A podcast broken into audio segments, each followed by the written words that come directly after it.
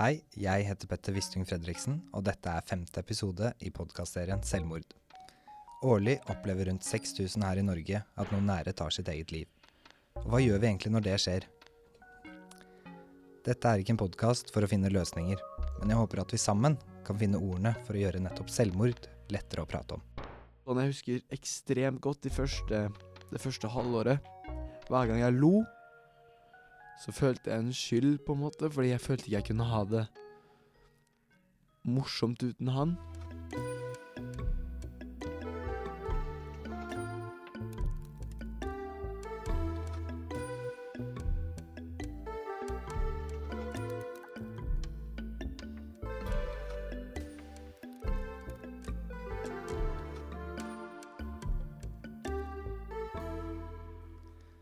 Det er noe helt eget med venner. Venner er familien du velger selv. De er folka du tester grenser, lærer og erfarer med. Fra tenårene og oppover er det nok slik for mange at vennene dine er de viktigste i livet ditt.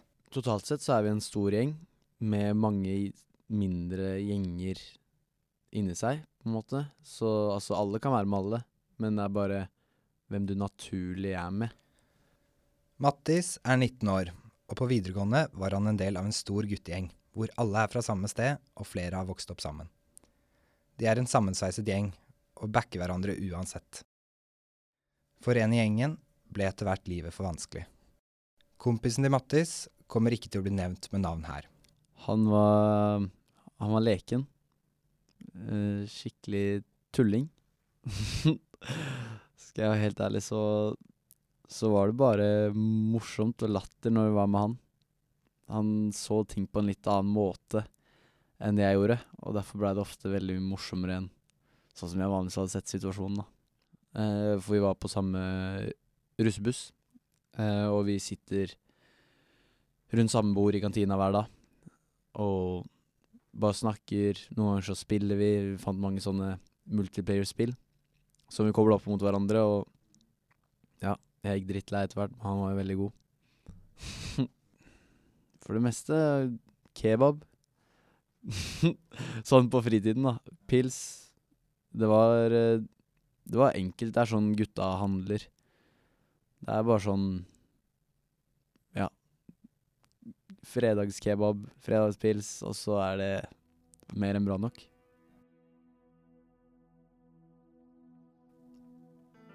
Det blei litt mye av alt, tror jeg. Ehm, jeg vil ikke si noe sikkert. Men sånn som jeg oppfatta det, da, så var det mange arenaer hvor han kanskje følte det ble litt for mye press. Litt sånn Ikke sånn som han ville ha det, kanskje. Uh, og sånn som vi beskrev det gjennom skolen og alt sammen, så er det Så var det et fullt glass, og så ble det litt for mye, da. En dråpe for mye. Mm. Og, og jeg tror ikke det kommer av én bestemt hendelse. Jeg tror det mer er bare trykket på alt sammen. Altså, vi lever jo i et ganske gærent samfunn, tenker jeg. Altså, det er mye press og sosialt. Alt sammen. eh, Bilder, likes, ikke sant. Og det, det er der hele tiden. Karakterer. Når jeg fikk vite om det, um, så satt jeg meg i senga mi. Det var søndag. Klokka var sånn rundt kvart på ti, for det er da jeg legger meg. Og så sjekker jeg Snapchat sånn, bare sånn før jeg skal legge meg. Så står det noe om at uh, det går noen rykter om at han er, han er død, da. Så er det sånn Nei. Nei. Hva er det for noe? Um, jo, og så var det noen som hadde sett noe ambulanse og sånn utenfor huset hans. Um, OK Så tenker jeg jo med en gang at det her er en prank, en, en spøk, fordi Altså, han var jo spøkefull, altså, det var jo bare morsomt, ikke sant? Det var jo bare kødd. Uh, men jeg syns det var litt brutalt å kødde med, og det tenkte vi alle gutta. Vi diskuterte litt sånn i chatten. Kan du svare nå, vær så snill? Bare i chatten vise at du lever. Så var det liksom Det var ikke noe respons. Um, og mamma jobber eh, på skolen som motcoach. Så jeg lurte jo på om hun hadde fått noe beskjed, så jeg gikk opp eh, trappa. Og da Da så jeg hun satt der og bare hadde tårer i øya, og jeg spurte er, er, det, er det sant? Og så nikker hun på hodet, og jeg står i trappa der og bare Jeg skjønte ingenting av noen ting. Jeg visste ikke noen Det var Det er en sånn opplevelse jeg ikke kommer til å glemme, for det Jeg følte meg helt lost. Det var bare Jeg skjønte ingenting. Rett og slett. Jeg, jeg, jeg skjønte, skjønte ingenting, og så satt jeg um, Og så føler jeg for at Vet du hva, jeg må, jeg må se hvordan det går med bestekompisen min, da. Bare sånn Hvordan har han det? Han bor 200 meter fra meg, så jeg bare løp opp til han. Um, og da satt jeg sammen med han og moren hans og snakka litt før vi i chatten uh, fant ut at vi skulle møtes litt sånn større gjeng. Um, så vi endte vel opp med sånn Vi var vel 14-15 boys uh, hos bestekompisen til personen som da hadde tatt livet sitt. Eh, og vi fikk vite det søndag kveld, og han hadde da tatt det lørdag formiddag. Vi skal også møte Helene i denne episoden. Hun mistet venninnen sin My. De møttes gjennom felles jenter på skolen og fikk en umiddelbar og helt spesiell kontakt. Hun er ett år eldre enn meg. Vi gikk jo på samme ungdomsskole, så det var da vi ble kjent. Gjennom felles venner. Så vi ble kjent da jeg gikk i åttende klasse, og hun gikk i niende. Um, hun var alltid veldig sånn sprudlende og glad. Hun var liksom den morsomme. Eh, som var veldig sånn Alltid mye liv rundt henne. Hun var veldig sånn Ja, spredde mye glede. I hvert fall i begynnelsen så prata vi jo mye om alt som var morsomt og bra, og alt det gøye vi skulle finne på. Morsomme, morsomme ting som skjedde. Uh, mens når hun på en måte følte seg mer trygg på meg, så fikk jeg jo vite mer og mer på en måte de tingene hun tenkte på som var utenfor den der gladbobla hennes. For hun hadde veldig det der imaget at uh, hun alltid skulle smile og alltid skulle le. Uh, men etter hvert så viste hun meg jo andre sider av seg enn det, og på en måte åpna seg om de tingene som ikke bare var så lett, da. Og hun sleit mye med eh, mat. Og det var nok derfor mye at hun turte å åpne seg så mye for meg, og fordi jeg hadde anoreksi og var eh, innlagt for det. Og jeg tror hun fant mye støtte i å på en måte snakke med meg sånn, og på en måte se konsekvensene av hva som kunne skje, da, hvis hun fortsatte sånn som hun holdt på. Eh, og så Ja, så i begynnelsen var det det. Men så ble hun voldtatt. Og etter det, så det var jo da hun sleit sånn ordentlig. Hun gikk på en veldig smell der fordi det var mange som ikke trodde på henne, f.eks., og det ble mye rykter. Da gikk vi jo Eller hun gikk først videregående da, om jeg ikke tar helt feil. Ja, hun gikk først videregående. Og det er jo en stor skole. Folk snakker. Og folk vet ikke helt hva de skal tro og ikke. Eh, og hun var veldig også typen til å Hun tulla bort ting. Det var hennes på en måte overlevelsesmekanisme. At hvis noen som ikke var veldig nær, skulle prate om noe alvorlig, så tulla hun det bort. Så jeg tror det var derfor folk tvilte på henne òg, fordi hun kunne tulle med det. Men eh, jeg snakka jo med henne rett etter det skjedde, og altså, jeg har ikke noe tvil, på en måte. Jeg Det skjedde.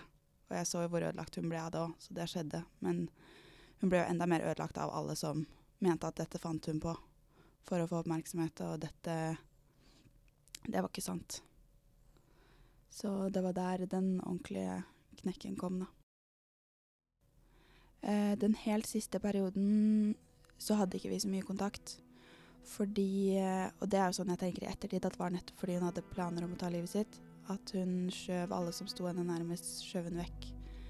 Så det var Altså fordi lenge, eh, spesielt da hun gikk i første og andre på videregående For hun tok jo livet sitt i tredje, da.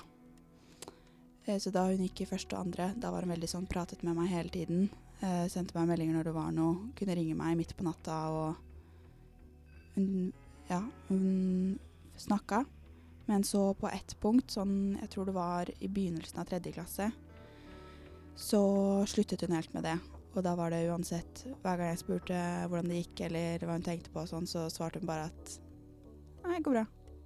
Og selv om jeg sa at du skjerp deg, jeg ser at det ikke går bra, så hadde hun på en måte Hun sa det en gang også, at hun orker ikke å prate mer om det som er vondt, for nå skal hun, skulle hun bare late som at alt var bra. Og hun orket ikke å prate så mye med meg fordi jeg gjennomskuet henne.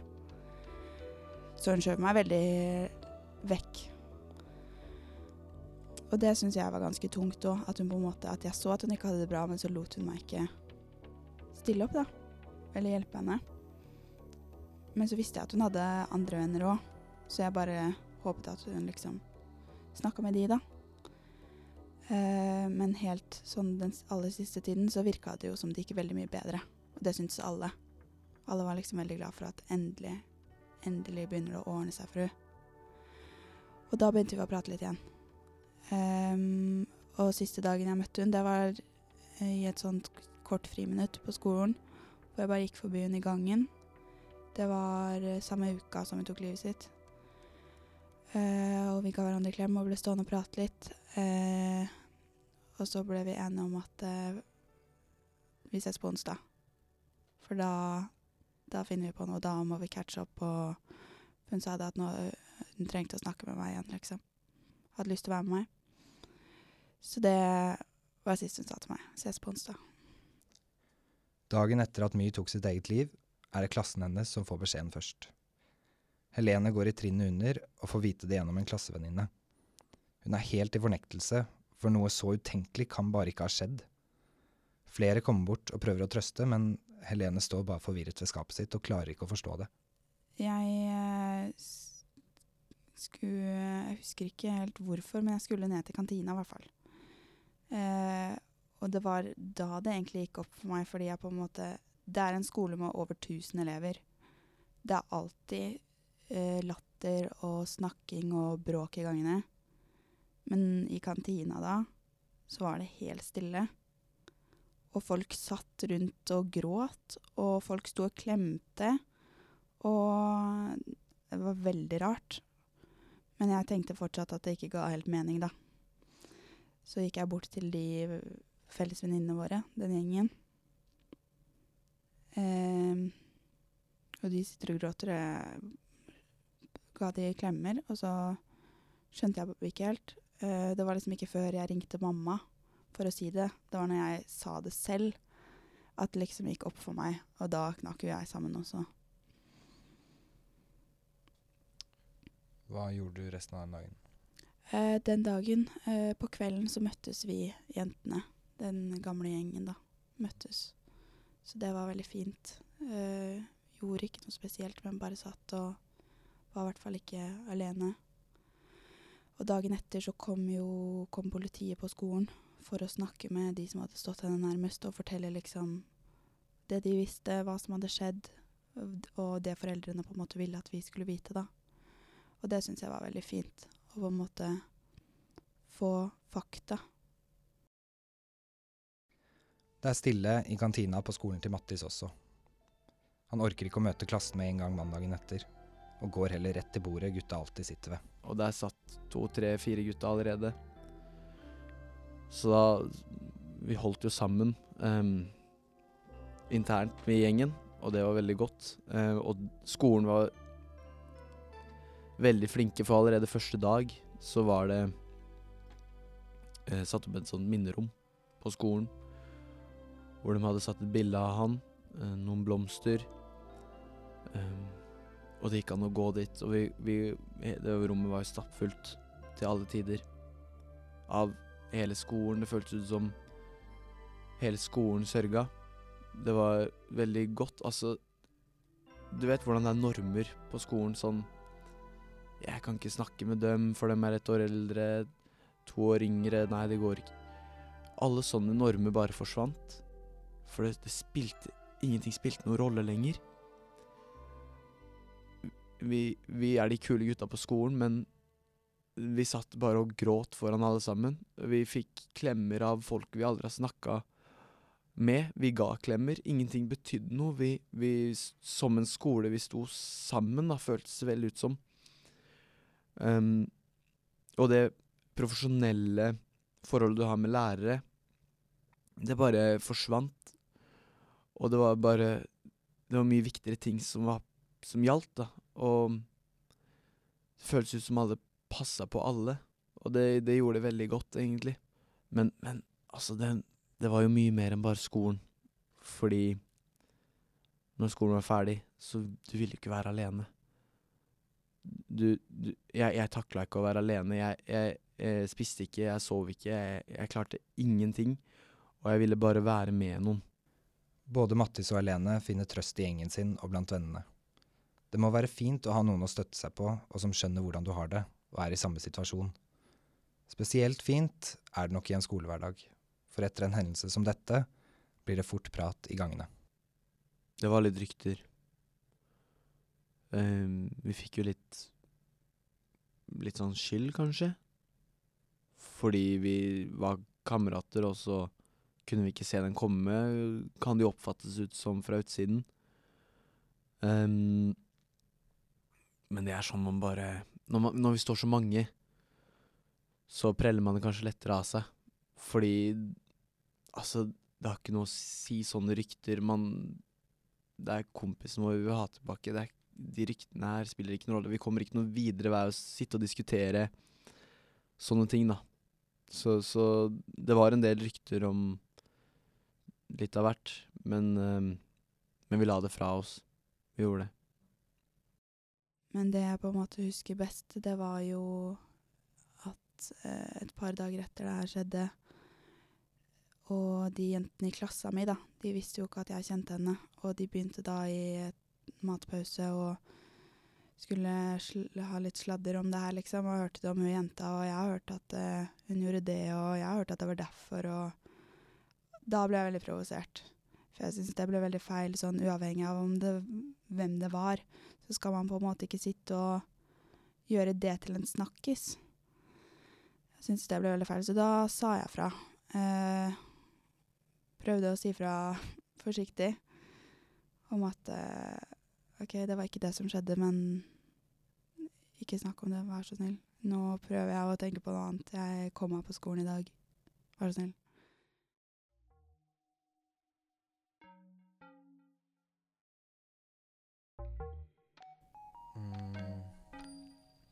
Hva slags uh, oppfølging annet enn det fikk du? Um, ikke så mye, egentlig. Jeg fikk litt, men det var fordi jeg uh, tok initiativet til det selv. Fordi hun ene av de to politibetjentene som var der, da, hun ga oss uh, nummeret sitt og sa at kontoret hennes var åpent, og at det bare var å komme dit. Så jeg dro og pratet med henne tre- tre-fire ganger. Hva pratet dere om da? Uh, hele situasjonen og alle følelsene rundt det. Syns du at uh, det var nok oppfølging fra kommune?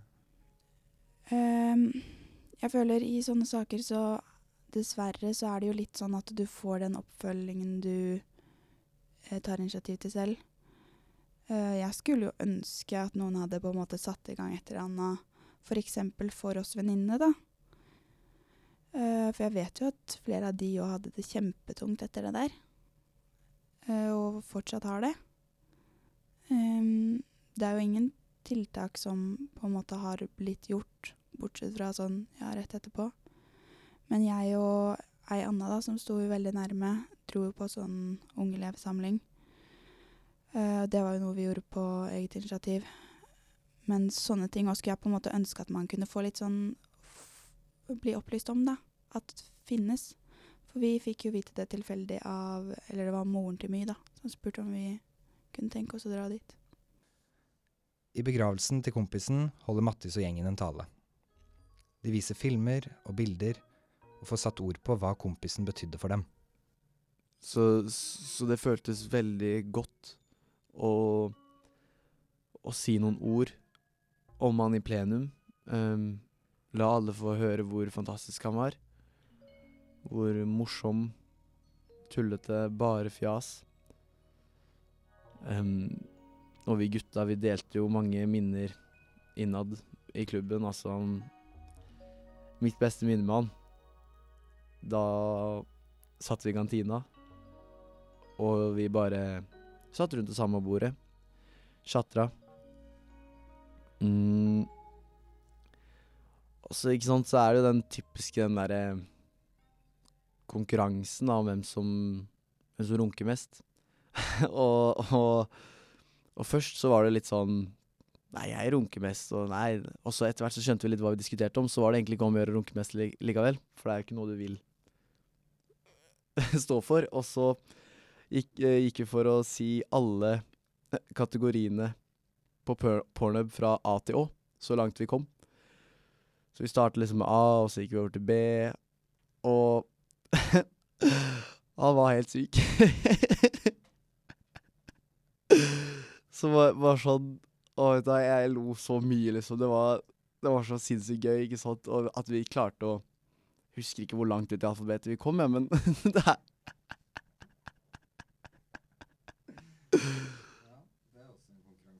Ja. Det var sånn Da satt vi da tre-fire boys og bare kødda. Det er morsomt. Så, så, så det er sånn vi gutta egentlig eh, Når vi satt på det rommet, så var det Det var mye stillhet. Så snakka vi litt, og når vi først snakka, da, så dro vi bare opp det gode. Um, og plutselig så tok knekken på oss, og så måtte vi inn i minnestundrommet og bare sørge. Men vi, vi, vi prøvde så godt vi kunne å ha en lystig tone, bare sånn Selv om det var helt umulig, så så, så er det veldig tungt og slitsomt. Man blir så langt nede i hverdagen. Uh, så kommer det opp innimellom. Det er ikke noe jeg tenker på hver dag. Uh, noen ganger så treffer det hardt, og andre ganger så er det litt mer «Åh, Skulle ønske det var her nå, liksom. Ehm, det var Jeg var nå i sommer, for eksempel. Så var jeg i Canada. Satt jeg på en buss med 40 andre studenter. Vi var på et sånt opplegg. Um, bare sånn Hadde det ganske fint. Satt og sang allsang til musikk. Typisk USA-vibe. Og sånn kicka det inn sånn Sånn kjempe sånn derre Han har ikke opplevd noe siden da. Og så sitter jeg her og har det så bra. Og det er litt den følelsen der, da. Og jeg, jeg, jeg skjønner ikke Bare plutselig Altså, jeg hadde det kjempebra, det var var koselig, og så dukker han opp. Og sånn jeg husker ekstremt godt de første, det første halvåret. Hver gang jeg lo, så følte jeg en skyld, på en måte, fordi jeg følte ikke jeg kunne ha det morsomt uten han. Hvis du skjønner? Jeg følte ikke jeg fortjente å ha det bra når han ikke hadde det. Har du vært sint? Eh, ja, det vil jeg si. Mm, jeg har vært litt sånn Litt frustrert, litt sint på henne. Mest fordi hun trodde at ingen brydde seg. For det var jo eh, Altså, jeg er på mange måter ikke overrasket over at hun tok livet sitt, men jeg er veldig overrasket over at hun gjorde det da hun gjorde. Hvis hun hadde gjort det ett år før eller to år før, så hadde det ikke overrasket meg, fordi da pratet vi jo kjempemasse, og da fortalte hun meg jo om de tankene hun hadde. Men det kom som et sjokk da det skjedde. Men jeg husker jo at da hun pratet om det, at hun snakket mye om at ingen bryr seg uansett, og det er ingen som hadde kommet til å savne henne. Og bare blir så Det er veldig frustrerende å høre noen si det, og så ser du på en måte alle de mens hun lever, og på en måte som bryr seg, og som prøver, og som stiller opp. Og så når hun er borte, så ser du da, ja, hvordan hele, hele skolen blir tom, på en måte. Alle som gråter. Det var fullt i gymsalen på minneseremonien, og begravelsen var jo helt stappfull. Kirka var Det var jo så mye folk. Det var jo så mange som ble påvirka av det der. Og jeg har jo kontakt med familien hennes og sånn, og bare det å se hvordan det har påvirka de, det har endra hele livet. Og det at hun da trodde at, trodde at ingen brydde seg, og så har det fått så mange til Eller fått konsekvenser for så mange, da. Det er veldig irriterende, på en måte. Hun kunne være så blind. Og det er så urettferdig at et menneske liksom kan bestemme på vegne av så mange. Bestemme at uh, nå mister du bestevenninna di, liksom. Det er ikke rettferdig. Jeg tenker det nesten er litt ekstremsport å oppleve noe så vondt når man er ung og er midt i en hektisk hverdag, hvor du samtidig skal bli kjent med deg selv. Å bearbeide sorg og vonde følelser er noe man må lære mens det skjer. Jeg håper at alle klarer å komme dit. At du faktisk makter å savne vennen din, eller noen andre nære, på den gode måten. Den hvor du kan minnes det som faktisk var fint. Følte du noe trang til å snakke om My med noen? Snakke om Snakke om dere? Mm. Og det er jo sånn jeg og hun av de andre venninnene som jeg er nærmest med, da, hun som jeg var på Unge Leve-seminaret med, vi er jo fortsatt sånn at vi ofte kan bare prate om mye uten at det på en måte nødvendigvis er noe trist eller noe sånn spesielt. Bare innimellom så føler vi for å bare sitte og prate om hun, og eller se på noen gamle videoer og bare huske hun, liksom. Det gjør vi ganske ofte. Det syns jeg er veldig fint. Jeg har vært veldig redd for at det skal For at det skal skje igjen. Ehm, så man blir jo mye mer omtenksom med en gang noe sånt har skjedd. Man, man tenker mer på andre, sånn generelt. Og man er mer obs på å se etter sånne tegn, um, som vi ikke så noe til hos han, men bare sånn generelt andre, da.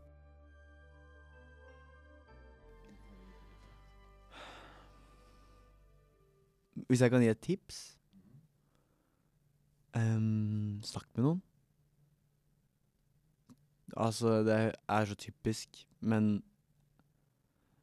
Eller, du trenger ikke å snakke med noen, bare vær med noen, rett og slett. Bare del stillheten eventuelt, og ikke sitt alene.